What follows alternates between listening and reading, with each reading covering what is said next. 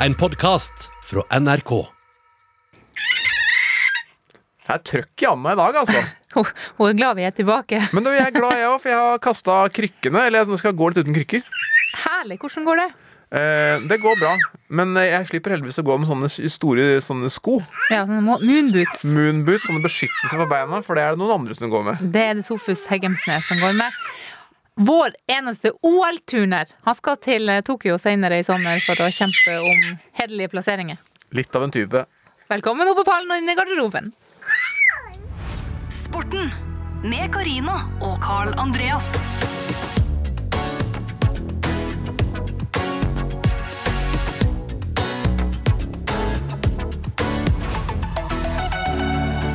Jeg vil jo si da, Karl Andreas, at alt ligger til rette for at det her kan bli eh, riktig så fin liten stund her i podkasten. Helt klart, Dette her kan bli en fest, og, og du har jo vært på en del fester oppe i Nord-Norge, selvfølgelig.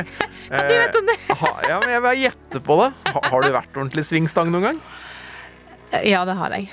Og I dag skal vi ha pallen i svingstang, Ja, vi, det da. skal vi faktisk. Eh, Ikke i hvem som har vært mest på nordnorske fest, fester opp gjennom tida, men en eh, pall hvor vi tolker våre egne kandidater innen sportens verden til å, å eh, være topp tre i svingstang. Ja, Der ble det mange forskjellige idretter, og så kommer jo han derre turneren Sofie, Sof, Sofie, altså. Sofus Heggemsnes. Han er rett og slett en ordentlig annerledes fyr. Det er han. Blir ikke nervøs, bryr seg ikke om konkurranser. Bryr seg ikke om poenger. Men han bryr seg om å naile de øvelsene han, eh, han prøver på. Og Og han, han skal jo være med i OL. Eh, Det er kjempelenge siden Norge var representert i et olympisk eh, mesterskap øh, sist. han har et mål om å klare noe som ingen nordmenn har klart, og det er å ta medalje i et mesterskap. Jeg har trua. Ja, Fytti grisen, altså.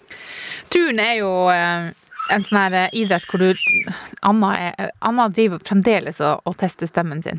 Ja, men hun har fått veldig fin stemme, da. Ja, hun er jo Og så har hun handa inn i munnen. Eh, hun, hun gjør det ikke enkelt for seg sjøl med pratinga, iallfall. Hun har begynt å skjønne at du må prate i podkast, så hun har, slett- hun, har, hun har skjønt det, hva hun skal. Hvordan eh, er det med deg? Du, det er veldig fint, for jeg ble veldig inspirert her eh, for noen dager siden. Fordi vi har jo En idrett vi er veldig gode i, er faktisk sandvolleyball. Og det som er så gøy, er at eh, vi har et par, så nå har de jo ikke spilt sandvolleyball på mange, mange måneder pga. korona og pga. litt skader, ting og tang, men vi har altså Anders Mohl og Christian Sørum som vant i comebacket. 18 måneder hadde de vært uten. Se, det blir Anna blir de vant for første gang på 18 måneder, Anna! Og, og de spilte masse kamper, og så var det to turneringer i Cancún. Først så vant de den første. Det var liksom, de har vunnet nesten alt som er. Og så kom de jammen til finale i, verdens, i turneringa, i verdensfinalen, uka etter òg. Da hadde de spilt så mye kamper, det var 32 varmegrader. De var helt utslitt. Det jeg er imponert over, er at du vet, det å gå i kjelleren, det har du hørt om. Absolutt. Det fins tydeligvis flere etasjer også i kjelleren. For gutta skulle spille finale mot Qatar. I turnering nummer to. Alt presset på seg, de har alt å tape. Og de er altså helt knekt før finalen. De er utslitt pga. høy luftfuktighet, høy temperatur. De har spilt masse kamper, spilt mange lange kamper. Og så skal de møte Qatar, som har altså importert to spillere fra Afrika, som er vant til varmen, vant til eh, forholdene. For det gjør de i Qatar, sånne ting. Sånn gjør de i Qatar, ikke sant. Det er mye de gjør der. Ja. Greia er De har egentlig nesten tapt på forhånd. For de er så utslitt. Så klarer de på et eller annet eh, vis Altså, de går ut i 100, leder kampen, men så blir de, så- de blir så slitne, ikke sant? Så Qatar kommer inn igjen, og det blir kjempespennende. Lang historie kort ender opp med at de likevel klarer å vinne, og vinner altså turné nummer to også i Cancún i Mexico. Ja. Og da er de så slitne. De har henta krefter som man ikke skulle tro at de hadde. Og vet du hvordan jeg vet at de var så slitne? Ja. Etter kampen så bare legger de seg ned i sanda. Og så kommer altså en eller annen meksikaner, sikkert eh, anerkjent fyr, og skal gi dem trofeet. De klarer ikke å reise seg når de skal ta imot trofeet. Så de ligger altså Anders Moe ligger i sanda. Han får trofeet mens han ligger der. Og, da, og de setter trofeet på en måte ved sida av han. Og så klarer han å løfte det opp mens han ligger. Og holder det oppe i tre, en, to, tre sekunder. Før armen detter ned og trofeet settes ned i sanda igjen. Da er du sliten. Da er du sliten. Men tenk, de klarte å hente ut noe og vinne. Fordi de fant, fant ut at kjelleren deres hadde to eller tre underetasjer. Eh, altså det er jo kjempeimponerende, det, men det der, det der prestasjonene de holder på med de siste årene her altså Har vi noen gang hatt større gullkandidat i et sommer-OL? Kan, kanskje ikke. Og, og nå har det blitt sånn at uh, nå er det ikke Norge mot Qatar eller Norge mot USA, Norge mot Brasil. Det er Norge mot verden. Ja. Det skal jeg faktisk la meg inspirere av. Absolutt. at det er alltid mulig å hente ut noe, så lenge du orker å løfte trofeet to-tre sekunder opp fra bakken. Han liker altså å si eh, at han er verdens første svarte norgesmester i turn. Eh, det er liksom tittelen hans. Sofus eh, Heggemsnes, født i 1999. 20 år etter så tok han altså kongepokalen i Norgesmesterskapet. Og da, under NM, så, så uttalte han jo at han skal helst vinne de øvelsene som er på TV. Ikke sant? Og han har altså vært på pallen i, i World Cup. Han har uh, sølv i mangekamp fra nordeurope nordeuropeisk mesterskap. Mangekamp det betyr at han egentlig driver med alt som er innen turn. Og da må det rett og slett være en rå fyr. Han er en rå fyr, men han har fått en liten utfordring nå eh, et par måneder før eh, OL. Han har skada føttene sine og må gå med noen slags moonboots, kan man kunne si. Ja, Moonboots i hardplast som gjør at den eh, hinker rundt her og der. Han trener med det, står på hendene og driver styrke. Men det er ikke ideelt. Men eh, han sjøl har trua på at dette, dette er ikke noe problem. Sofus Heggemsnes har nå kommet inn i studio her. Og jeg har jo snakka litt med treneren din, Sofus, og han sier jo at du er faktisk den perfekte utøver å trene i turn. Sa han det? Han sa det. Seriøst? Er du overraska? Ja. Fordi jeg er ikke, jeg er ikke sånn den eh, best, eh, beste på å lære nye ting og sånt. Jeg, jeg, er ikke, jeg har ikke så mye talent, for å si det slik. Jeg bruker en del tid på å skjønne ting og sånt. Ja, for det, det, der er du inne på det som kanskje er litt kjernen her av mye av det jeg har hørt. At uh, Nå sa du det selv, da, at du ikke er talent. Ja. Og at du bruker veldig lang tid på å lære ting. Og så kommer det tredje. Du er ikke så opptatt av uh, resultater heller. Nei. Nei, Men du driver med sport. Altså, jeg, synes det her, jeg, synes jo det, jeg jeg får ikke det til å stemme når jeg ser på det du har prestert, altså. Jeg, jeg liker Jeg trener jo egentlig bare fordi det er gøy. Og jeg jo trener jo for å ha det gøy på trening og sånt. Så når jeg, når jeg liksom trener sånn jævlig bra og at alt stemmer, så så, så blir jeg jo best, på en måte. Ja. For du har en konkurranse, og så har du gjort din del av det du skal, skal Da reagerer du jo Hva er det som gjør at du jubler, da? Hvis du jubler, hvis du jubler da. Jeg, jeg er bare jævlig fornøyd over at jeg kom gjennom og gjorde, gjorde det jeg kunne, liksom. Ja, for Også, du, du ser ikke på resultattavla. Nei, nei. nei. Jeg prøver å ikke se på resultattavla, for det, det er litt så det er lett å henge seg opp i resultatene og være sånn å nei, nå må jeg gjøre det og for å klare det. Det er jo bare Det viktigste er jo å gjøre så bra man kan, og så ser jeg på resultatet etterpå. Men, men ehm, det kan jo hende at de resultatene du presterer, f.eks. gjør at du kvaler til OL. Ja, Så det er jo litt viktig, tenker jeg. ja men det, det, det er viktig å se på resultatet etter konkurransen, men under konkurransen så er det ikke så uh, bra, tenker jeg, da.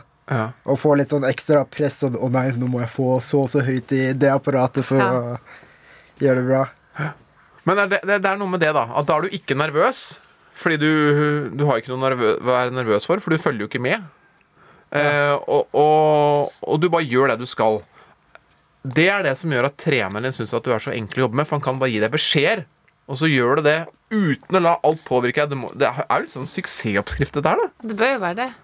Ja, det Jeg Vet ikke, jeg har jo bare gjort det jeg skal. Ja. Men hvorfor ble det turen, da? Og hvorfor jeg, ble, hvorfor jeg startet med Ja, altså hvorfor, hvor, siden du ikke hadde Jeg tenker at det er kanskje lett å velge en, en idrett der man merker at man har talent. Ja. Jeg, gikk på, jeg gikk på fotball da jeg var liten. Ja. Og mamma, mamma og jeg har ulike meninger om hvorfor jeg startet på turn. Hun mener at det var hun som drev og pressa meg og var sånn «Så, Det er bra, det, det høres bra ut å starte på turn. Ja. Mens jeg, jeg hadde jo mast i tre år. Siden første klasse til, fra første til tredje klasse så maste jeg på mamma og var sånn Kan jeg starte på turen? Kan jeg starte på turen? Ja, Hadde, du sett, hadde du sett noen som gjorde det, som gjorde at du hadde så lyst til det? Ja, bestevennen min på barneskolen gikk Ja. på turn. Så han drev og lærte meg å slå hjul og sånne ting. Sånn på skolen og sånne ting. Så det, da drev jeg og øvde på det på fotballbanen mens vi hadde fotballkamp og sånn. Er veldig bra. Alle mann i angrep, og du står og slår hjul. Ja, jeg pleier å være keeper, så da var det laget mitt var ganske bra. Så da var det ikke så mye jobb for meg. Ja, for det, det har faktisk jeg blitt fortalt. Og det er helt, at du, du var keeper, men du sto bare og slo hjul. Så det var noen som sa eh, han burde kanskje begynne på turn, han gutten der. Og det blei det til slutt. Ja, Med en gang mamma hørte det, så var hun sånn Ja, det, det høres bra ut. Og da fikk jeg starte på turen. Altså, jeg, hadde, jeg spilte jo på fotball da jeg var liten. Jeg hadde noen på laget som satt og lagde sånn sandslott i grusen, for vi måtte spille på grusen. Jeg, jeg mener jo, det, det er bedre å holde på med å slå hjul og drive turnøvelser enn å sitte og lage sandslott. Og det er faktisk en del Det er faktisk en del folk som slår hjul. En del barn som slår hjul på fotballkamper. Ja, du har erfaring Jeg med det? har erfaring med det også, men jeg tror Sofus var nok litt, i, litt mer enn andre. Da fikk du også lov til å starte med turn fordi du slo så mye hjul på fotballbanen. Og så kommer du i turnhallen, og hvor, hvor god var du da? Hvor god var du god i turn, da? Jeg startet på et parti som var sånn en gang i uka, sånn første gang ingen hadde Ingen hadde gjort noe eh, turning før. Så da, da var jeg sånn Da var jeg sånn passe god på det partiet. Jeg tror jeg var sånn tredd best av ti stykker, kanskje. Ja. Eller noe. Fordi jeg kunne, jeg kunne allerede slå litt hjul og sånne ting. Fordi vennen min hadde trent meg opp. Men så gikk jeg der i ett år omtrent. Og så byttet jeg til to ganger i uken. Og gikk der i ett år, tror jeg. Og så prøvde jeg å komme meg inn på konkurransepartiet. Som, jeg, som da er den, den apparatturen. Og så kom jeg ikke inn. og så og så eh, etter hvert så tok han treneren som jeg hadde For jeg drev hele tiden og snakket om at jeg hadde lyst til å trene mer og sånt. Så da tok treneren min og anbefalte meg til å komme inn. Og da fikk jeg en prøveperiode på to uker. Og så fikk jeg aldri vite når den stoppa, så jeg er fortsatt i den prøveperioden. Du holder på med det? Ja. Håper jeg, håper jeg kom inn. Leser jeg det som at du faktisk du leverte ganske greit de to Ja. første ukene der. Ja, jeg tenker Ja. det. Men da var greia at uh, du var ikke noe kjempetalent da og kom inn der og herja. Måtte, du fikk egentlig ikke plass til å være blant de beste? Nei, jeg var ikke noe Jeg var ikke så særlig god. Jeg skjønte ikke hvordan man skulle ta på sånn kalk eller magnesium. Jeg var sånn, Første gang jeg skulle ta opp i bøtta, så tok jeg bare klemte henda sammen. Og så viste jeg tommelen opp, og så var jeg sånn Hva er det du holder på med? Men du, for dem som hører på, og, og litt for meg eh, eh, det, er en- det her er en vanlig rutine under turen. Hva gjør du? Altså, for det er ikke bare å putte hendene ned i kalk og så tommel Ja, opp. det, er, det er litt som å vaske hendene Eller vaske overflaten av hendene med kalk, på en Ja. måte. Og det gjør det for at du skal få mindre friksjon når du snurrer rundt. Ja, Mer og- friksjon, kanskje? Mer friksjon. Eh, ikke- Ikke for er du ikke svette Ikke, altså, ikke Ja. svetter og glir, ja. Mm. Ja, Ok. Det, fordi når man svetter, så blir det ganske glatt og ja, sånne ting. jeg ser den. Ja. Ja. Men nå er det altså denne to ukers prøveperioden. Den varer jo da fortsatt. Nå har den Hvor mange år har den vart nå? nå I 12-13 år snart? Ja, jeg tror noe sånt. Jeg, er ikke, jeg har ikke helt peiling på årene. Når noen spør meg hvor gammel jeg er, så er jeg litt sånn Oi, øh, øh, øh, 21! Og på de årene så har du altså blitt veldig god. Tar uh, helt utrolige uh, Heter det triks i turen, eller? Altså Jeg, jeg vil si at jeg er ganske, ganske Jeg tar noen kule triks sånn på verdensnivå, på en måte. Ja. En av de er sånn Shukahare skranke eller dobbel salto med helskru ut av skranken. Nettopp. Dobbel salto med helskru. Da er jo på en måte Karina og jeg Da er vi, vi- da er vi falt av for lengst. Men da lurer jeg på en ting. Dobbel salto med helskru, det fikser du. Men hvis du tar deg en uke ferie, og så ber jeg deg om å ta en enkel salto, hvordan går det da? Vanligvis så går enkel salto, det, det går alltid. Men en uke ferie, da, da, blir, da føler jeg meg dårlig, ass. Skal ikke mer til. Nei, det skal ikke mye til. Men nå har du jo Du går jo rundt med noen sånne, sånne støvler på foten din, for du har jo tråkka over, eller begge føttene. Eh, eh, hvor, hvor lenge kunne du ha vært ute før at du hadde mista det, liksom? Sånn Jeg, jeg tenker jo ofte at det er eh, For hver uke som går, så må jeg ha en ekstra uke med opptrening. på en Jeg må hente deg inn igjen. Ja. Ja. Så hvis jeg er to uker borte, så tar det to uker før jeg er på samme nivå som jeg var Eller kanskje tre. Og hvilket nivå er du på nå, da? Noen uker etter at du skada deg? Eh, nå, nå, har jeg ikke, nå har jeg ikke noe mål mot, for jeg klarer ikke å trene ordentlig med disse støvlene her. Nei. Så jeg gjør bare mye bas og sånt. Så jeg tror når jeg tar av støvlene, så kommer det til å bli, kommer det til å bli tøft. Ja, altså, du er jo skada nå, og litt usikker på hva, hva det er også. Dere har ikke helt fått klarhet i det, men altså, du går med sånne skinner på begge beina, og det er liksom kraftige overtråkk, og det er noe ledd som er skada, leddbånd kanskje som er skada her, men de er ikke helt sikre på det.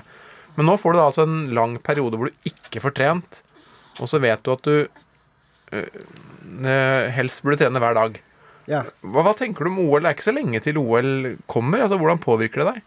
Jeg driver og trener hver dag, så jeg, Ja, holder, jeg, holder, jeg holder liksom uh, fysikken oppe, så det er, det er ikke like ille som en uh, total ferie, på en måte. Fordi Nei. når jeg kommer tilbake fra en total ferie, så er det som om muskelen ikke funker helt, og jeg ikke klarer når jeg skal prøve ting, så er det sånn oi, oi, Og så knaser det litt rundt omkring. Men er du redd for at eh, formen din skal, ikke skal være der du hadde tenkt når OL starter? Eh, jeg tror det kommer til å gå ganske bra, egentlig. Så du går ikke rundt og bekymrer deg for det? Nei. Nei.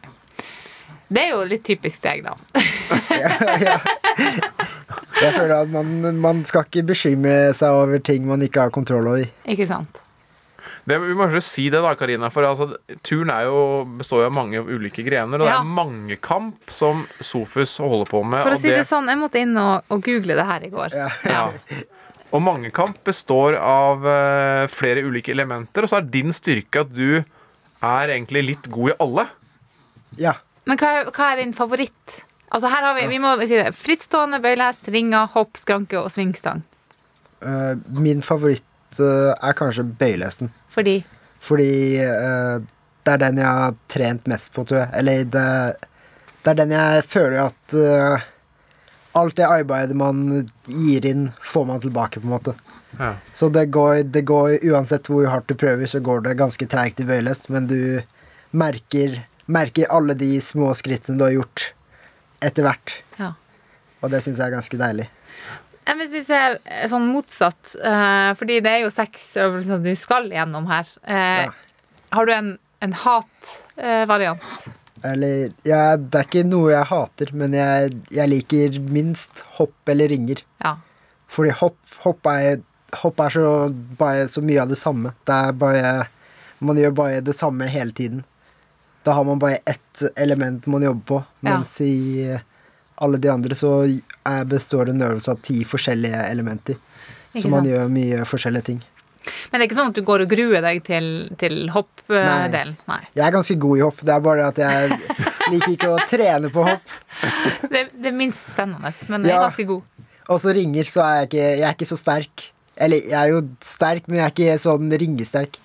De jeg trener med, kan jo holde sånn eh, favn som er sånn eh, kors i ringen, og, Altså armene står rett ut 90 Ja. grader? Ja. og bare holde der. ja. Det klarer ikke jeg. Ikke i det hele tatt? Eller jo, jeg, jeg er på vei. Jeg klarer det nesten. Jeg har lagt ut på Instagram at jeg klarer det. Men jeg, Jeg bruker også å legge masse ut på Instagram som ser ut som en klarer. men jeg er ikke helt klar for det i konkurranse. Jeg, jeg, jeg husker at det første jeg så, eh, eller første gang jeg la merke til deg, var eh, da, da holdt du på med baking. Baking, Ja. ja. Sofus til cookie. Ja. Ja. Driver du på med det ennå? Ja, ja, ja, så jeg har vært litt dårlig på det nå i det siste, så Men jeg tenker å starte igjen eh, og fylle opp med cookiesene.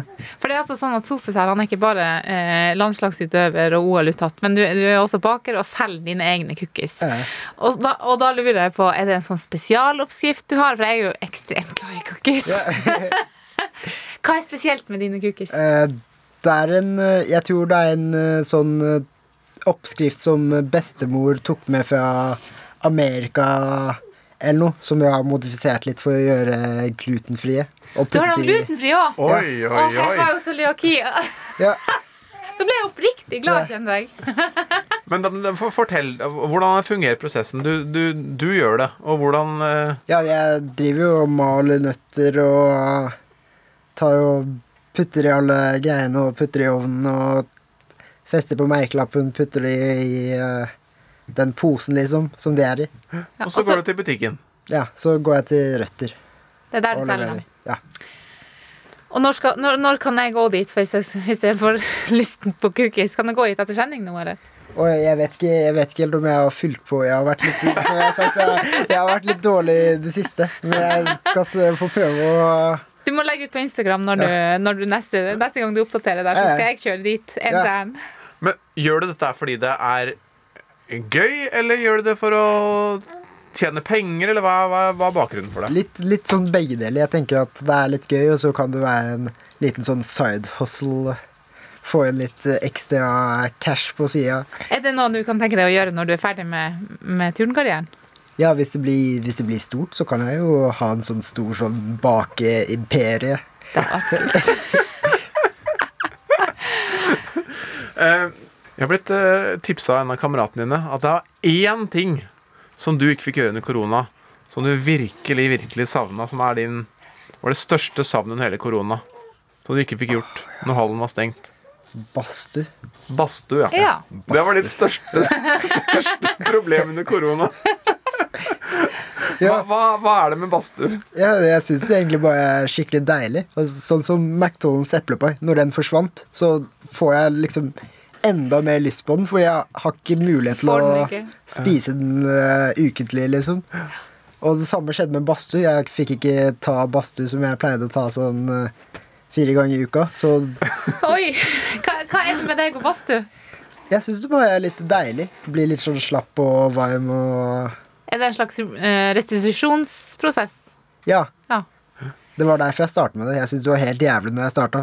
Ja, jeg eh, altså, man, det, er jo, det er jo så tett. ja, men nå har jeg fått sånn badstuelue.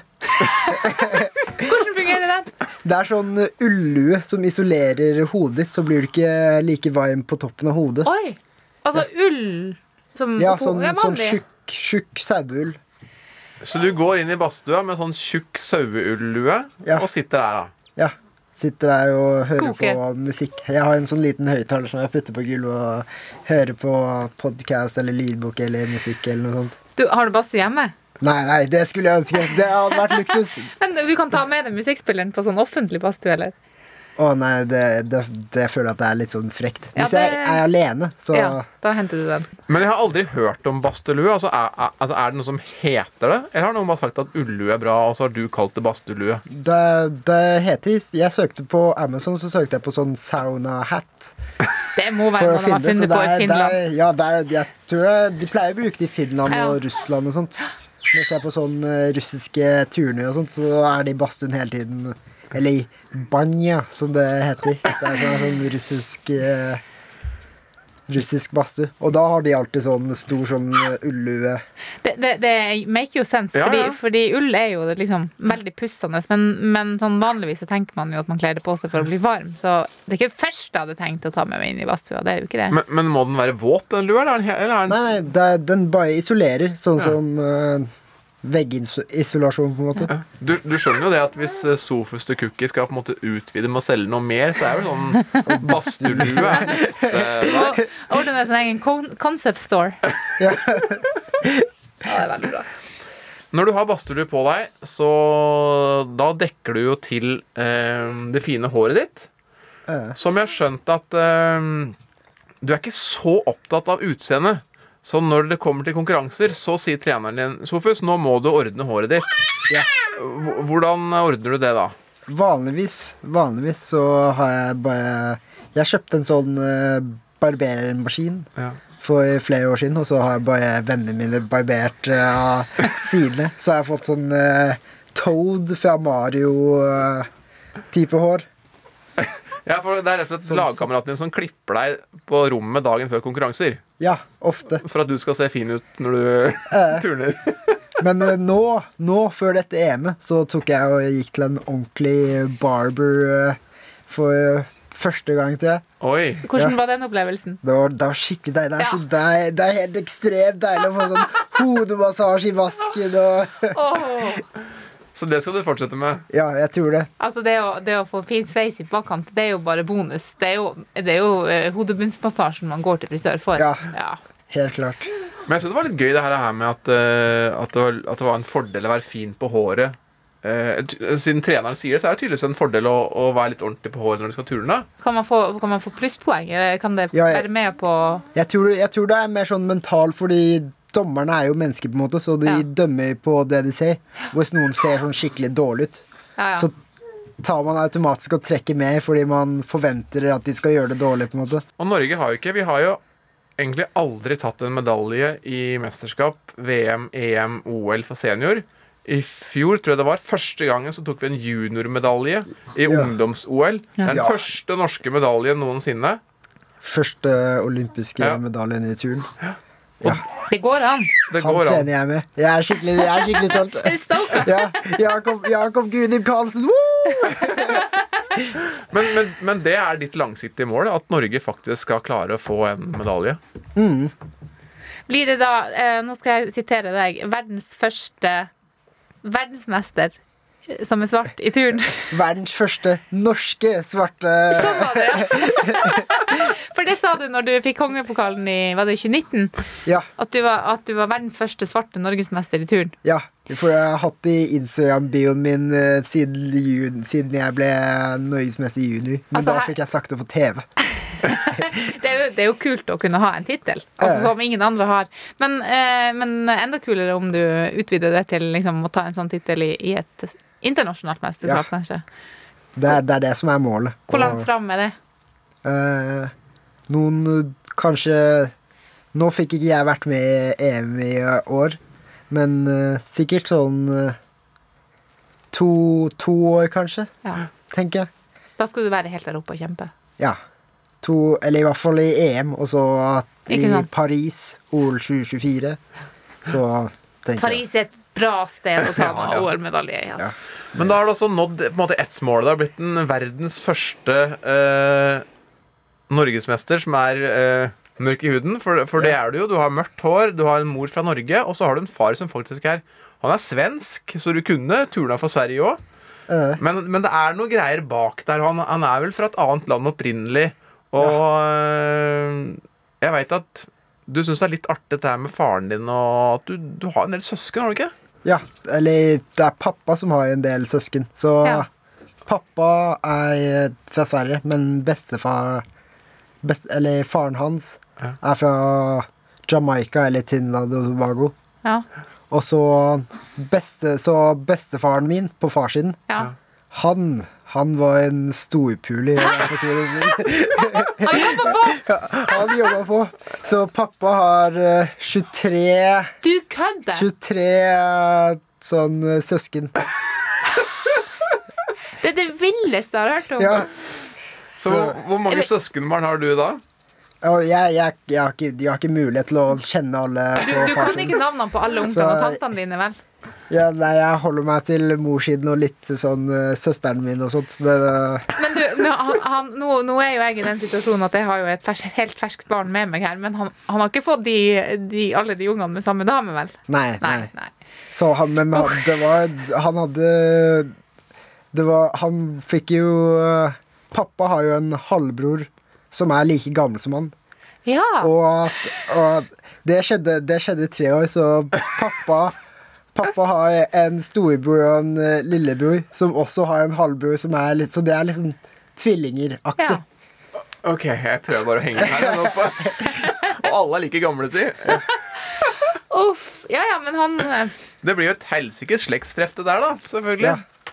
På Jamaica en dag. Det blir jo en fest, Ja, da. det, det hadde vært skikkelig ekstremt. Best- Er han i Altså, live der- ennå, bestefar Sofus? Uh, Ja, jeg tror det. Ja. Men eh, han jeg tror, jeg tror han har litt dårlig helse nå, eller noe sånt. Kanskje ferdig med de ungene nå. Ja. Ja. Det er der det kommer fra. Den derre yo, bro. Yo, bro. Det er jo brødre overalt. Men det var bra for oss at det ble mm, At det ble Norge, da. At det ikke ble Sverige eller eh, Jamaica eller eh, som fikk æren av å ha deg som, eh, som turner. For den eh, Vi hadde trengt en, eh, en norsk sånn turnmedalje, altså. Du, eh, svingstang er en av øvelsene som du eh, bruker når du har mange kamp.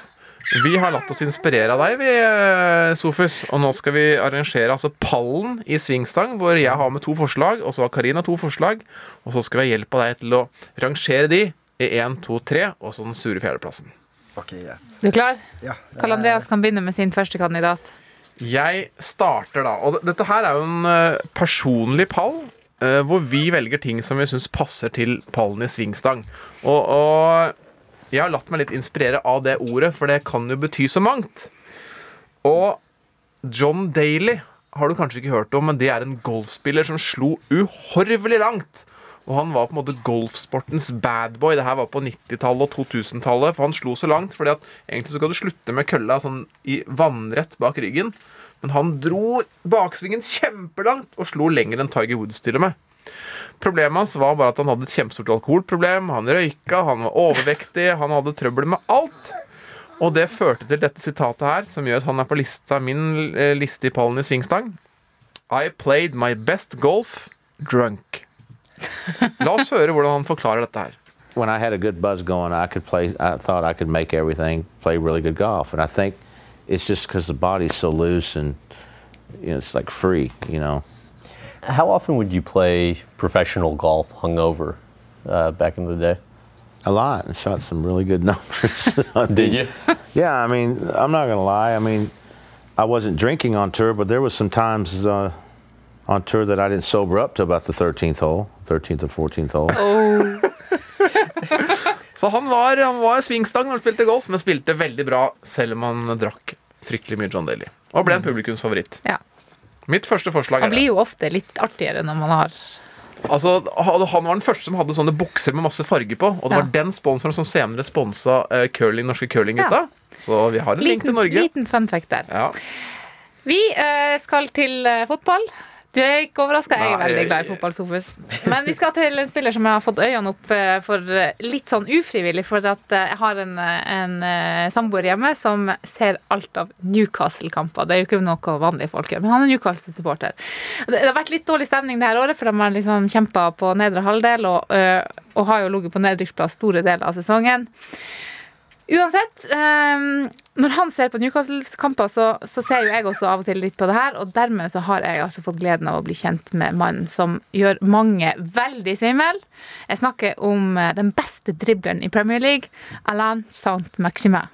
And Alan Sam Maxima now charging towards goal. Wilson to the right. Sam Maxima might go it alone. He might go it alone. Alan Sam Maxima, brilliant!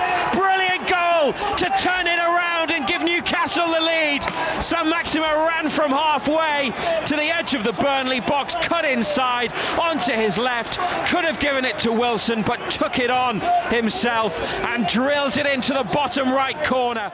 The bottom right Ja, corner! jeg tror han kan drible hvem som helst. Altså. Ja, altså, det her er da fra kampen som Newcastle spilte mot eh, Burnley. Da skåra han det her siste målet, 2-1-målet, og så hadde han sist på 1-1-målet. Og det var jo en kamp som snudde mye for Newcastle, for at eh, han eh, Sant Maximin har vært ute med korona. Så han har vært sterkt savna i troppen. Nå kom han inn. De fire siste kampene har han spilt. De har åtte poeng på de fire. Det er jækla god stemning i det olsetske hjem, for å si det sånn.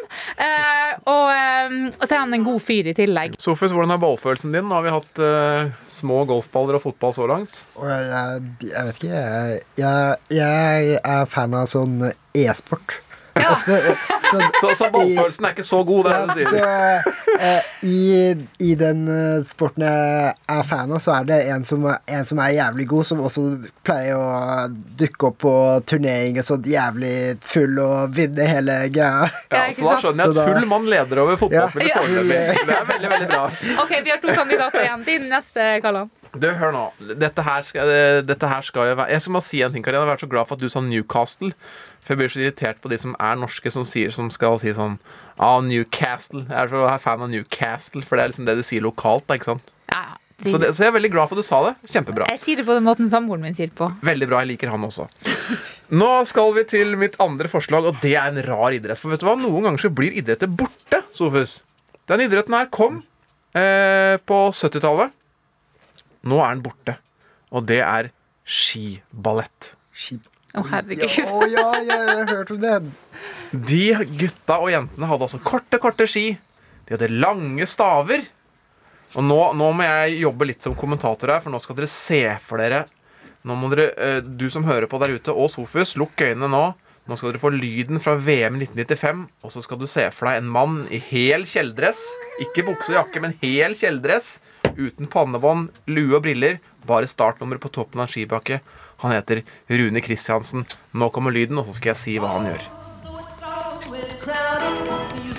Å, nå begynner han med myke bevegelser og ta en moonwalk på ski her nå. Og så får han litt fart, setter ned begge stavene der, spinner to ganger rundt i lufta. Og veiver nydelig med armene nå, Kristiansen. Lener seg bakover. Setter stavene ned i dobbelt stavsett og tar en salto der. Meget bra av Kristiansen. Sånn var det altså. De dansa på ski. Rune Kristiansen han ble både verdensmester av OL-bronse og OL-sølv. Og grenen overlevde helt til 1998 var det siste verdenscuprennet. 2000 ble idretten lagt ned. Skiballett. Og vi hadde en som var veldig god. Det er litt sånn dans. Det er jo litt sånn grasiøse bevegelser. Det kan være litt turn i det, da. Så trist. Jeg, jeg hadde hatt veldig lyst til å se på det på TV. Tenk å begynne med altså, tenk, Nei, nå skal jeg danse på skiene. Ja. Det er gøy, da. Moonwalk på ski, det var ganske rått, faktisk. Det var ganske rått. Og bare det å gå i kjeledress, det må vi komme oss tilbake til. Ja. Absolutt. En god kandidat, dette her. Ja. Ehm, det er jo noen idretter som, eh, som, hvor rett og slett det er poenget å snurre rundt.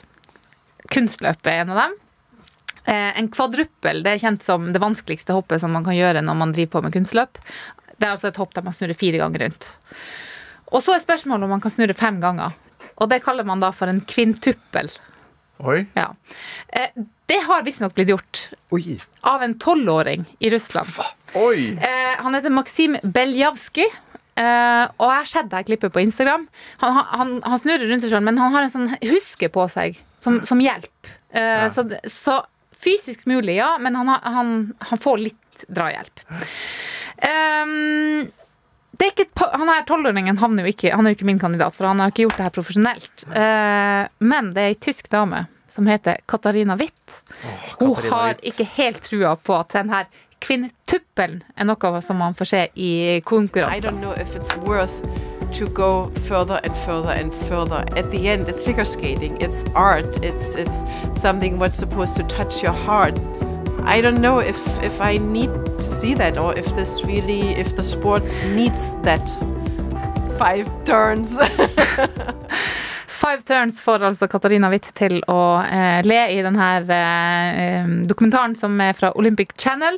Eh, hun er dronninga av eh, trippelsnurr, for hun var jo kjent for det. Hun har to OL-gull, er den eneste ved siden av Sonja Hennie som har forsvart et OL-gull i kunstløp. Hun var litt kjent for utseendet sitt òg. Det er det jeg skal fram til her. Hun trengte ikke å snurre så mange ganger for å få det til å gå rundt for alle veldig mange Nei. som uh, så på. Uh, hun uh, det ble kalt poetry emotion når hun gikk på, på skøyter på isen. Og hun er en av to som har klart å selge ut utgaven av Playboy som hun var på fronten av. Den andre var Marilyn Monroe. Nå ser jeg det ble store øyne borte på sofaen. Katarina Witt, hun var digg. Ja. Altså, Hvis hun snurra fem ganger, så rakk du ikke å se hvor pen hun var heller. For snurra så fort. da, Hun var ikke i nærheten, og hun ville ikke ha noe av det. For at, I don't know if I want to see that. Ikke sant, nei. Hun var jo eh, faktisk et unikum, Katarina Witta, i Ja. kunstløp. Så nå betyr det, Sofus, at nå må vi det, vi, vi, tar, vi får ut fjerdeplassen først, for det er jo den sure fjerdeplassen. Vi har altså golferen John Daly. Vi har fotballspilleren eh, Sam Maxime. Vi har Rune Kristiansen, han som drev med ballett. Og så har vi eh, Katarina Witt, kunstløpersken. Hvem av disse, hva, tenk, hva, hva, traf, traff deg minst av disse Jeg fire? tenker fotballspilleren, fordi det, det, det følte jeg var minst unikt. Ja, minst unikt. Så da er det klar fjerdeplass på Sam Maxime. Han er god, men ikke Bra god nok fyr. denne Dere er gangen. enig i det? Ja, ja, bra fyr, Ja. ja. Eh, tredjeplassen skal vi eh, Da er det golferen igjen. Skiballetten og Katarina Witt. Oi, denne her blir vanskelig. Den er vanskelig, altså. Ja. Jeg skjønner jo det. Det er det vanskelig mid Ja. middelleie der. Ja, herregud. Vi har jo Playboy mot uh, en full mann. Mot Play, en Playboy er gøy. Sofus, kom on. Oi.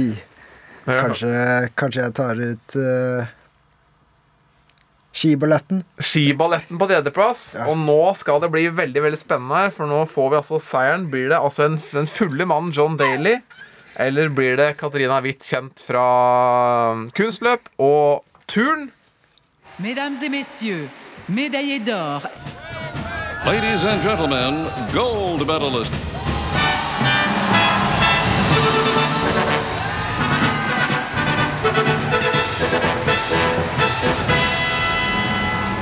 Sofus, hvem går til topps på listen i pallen eh, i svingstang? Jeg må, jeg må nok si golferen. John Daly går til topps, altså. Fylla har skylda. Ja. Man ble loose. Løs i kroppen. Det kan en turne like. Ja. Jeg, jeg kan si at jeg ikke er Jeg tror ikke jeg hadde spilt like bra Eller turnet like bra full som jeg hadde Nei, Vet du hva, det, det tror jeg skal si som ansvarlig eh, mor her i studio, så skal ikke de få med den der turnøvelsene dine i fylla. Det får du ikke lov til, rett og slett. Målet framover nå, eh, Sofus, det går om eh, Du trenes altså av eh, Valentinsgruppen, og du har trent med han hele livet. Nå skal dere legge det siste grunnlaget før det som vi håper blir et OL som blir noe av til sommeren. Ja. Hva er eh, målet de siste ukene nå? eh, Målet de nå Nå er jo egentlig bare å få av disse støvlene her. De store, feite moonbootsene som vi har fått. Det er som å gå på fjellet hver dag, liksom. Så det er første mål. Og så komme tilbake i eh, form. Ja. Så har Valentin laget et sånt plan for sånn eh, Sånn Fritzson og hopp, siden de er de to benapparatene. Så har han laget en sånn detaljert plan på hvor sakte vi skal gå framover, og hvordan vi skal ta det. Og der gjør du bare sånn som han sier, så, så blir det Ja, bra. Ja, du er stoler på han. Ja, det er det, det er det jeg gjør. Jeg er så, jeg er ikke så god på å lage planer og sånt, så jeg, jeg liker bare følge ordre og Ja. gjøre det. Men hva er det man har trenere til, si? Ikke sant? Men Karina, vi kan jo love deg at eh, når du har gjort eh, Vi kan ringe deg etter OL-konkurransen, så kan vi si åssen det gikk. Så du i hvert fall får med deg det. Det, det hadde vært bra. Ja. Og hvis det blir eh, Nå blir det jo ikke pall i dette OL-et, men uh, hvis det blir det, så skal vi ringe før den pallseremonien går. Ja. Men, men finaleplass er målet i første OL nå. ja. Ja. Mangekampfinale. Vi skal følge med. Vi håper at det blir noe av. Det var veldig gøy å ha det her. Og så skal eh, Jeg fikk litt lyst på sånn cookies, jeg må si det. Ja, ja. Jeg, skal, jeg skal kjøre ens ærend til Grünerløkka når, det- når det åpner der, og du han har, du har vært på kjøkkenet fylle igjen. på. Han må fylle på. Må fylle på. Vi snakkes, Sofus. God tur til uh, Tokyo. Tusen takk. Sofus han har dratt hjem. Jeg håper egentlig at han har gått hjem og hevet seg i kakebaking, for uh, Du vil ha kaker. kake det er jeg glad i. Ja. Og nå nærmer det seg mai, kaller han. Og da er det tid for kake i alle mulige retninger. Og så er det sånn at jeg Er det, er det ordtak? Det er jo 17. mai, Å, sånn, det er pinse. Ja, ja, ja. Dattera mi har også bursdag ja, til ja, ja. helga. Pinsen er det kaker, altså. Alt, alltid kake når man er fra Nord- Nord- fra Nord-Troms. Og det, det skal jeg si deg. Jeg har vært en tur hjemme hos mine foreldre nå i Nord-Troms eh, denne uka. Eh, på fredag eh, ble jeg møtt med en eh, pavlova. På lørdag ble jeg møtt med en eh, firkløverkake. På søndag hadde vi jo selvfølgelig noen eh, eggeplommer til overs etter pavlovene, så vi måtte, måtte jo lage hjemmelaga is. Ja. Eh, og på mandag så var det så dårlig vær ute at nei, vi, fant, vi, vi baker marsipankake. Rått. Hva med den der kvæfjordkake? Er ikke det sånn nordnorsk kake? den er også veldig veldig god, men den, den er ikke god når den er eh, glutenfri. Så Ja. den baker ikke vi hos oss. Nei. Men eh, det er mye som skal feires, for å si det sånn. Ja. Så da, mm, da er det jo Jeg merker at Anna savner jo kaker, her, for nå driver jo og gaper i alle retninger i studioet her nå. Det er jo ikke sukker i det her. Det er jo to dager siden jeg har spist kake og begynner å lure hva som skjer. Men det, jeg altså én ting altså det, Og Kake, jeg elsker kake. Må passe litt på at jeg ikke får ta for mye av det, bare. Nei, nei. Men noen gutter som jeg har sett på i det siste, som ikke spiser så mye kake For Rafael Nadal Han klarte nå å gå til topps i, i Barcelona igjen for n-te gang. Og klarte å snu en kamp. Men det jeg la merke til, og som jeg har lyst til å snakke litt om sånn helt på slutten her, det er menn og farger. Ja. Jeg elsker jo farger. Gjerne sterke farger. Liker rosa også. Syns det er kult når gutter har rosa kø- Klæbo, liksom. Rosa staver, rosa det- Ja, Vi har snakka om det før. jeg. Men du, det som er litt, det som er litt trøbbel nå Skulle tro at jeg likte at Nadal Han har nå fått en sånn egen kolleksjon fra, fra Nike som han spiller med, hvor han har bare rosa og lilla. Ja. Altså lilla sokker, rosa sko, eh, rosa short, lilla GN-T-skjorte. Altså, Det er liksom blanding, da. Kult, liksom. Men det som er greia, det er et problem, skjønner du. For det er tydelig at rosa lilla for menn er liksom sånn vårens farge. Altså, det er det som er inn i 2021. Ja, i hvert fall på tennisbanen. virker det Flere av produsentene har da valgt rosa lilla. Sånn at når mange spiller i de, når nesten alle spiller i det, Da, da får jeg da, da får jeg helt Da, er det da går det ikke litt.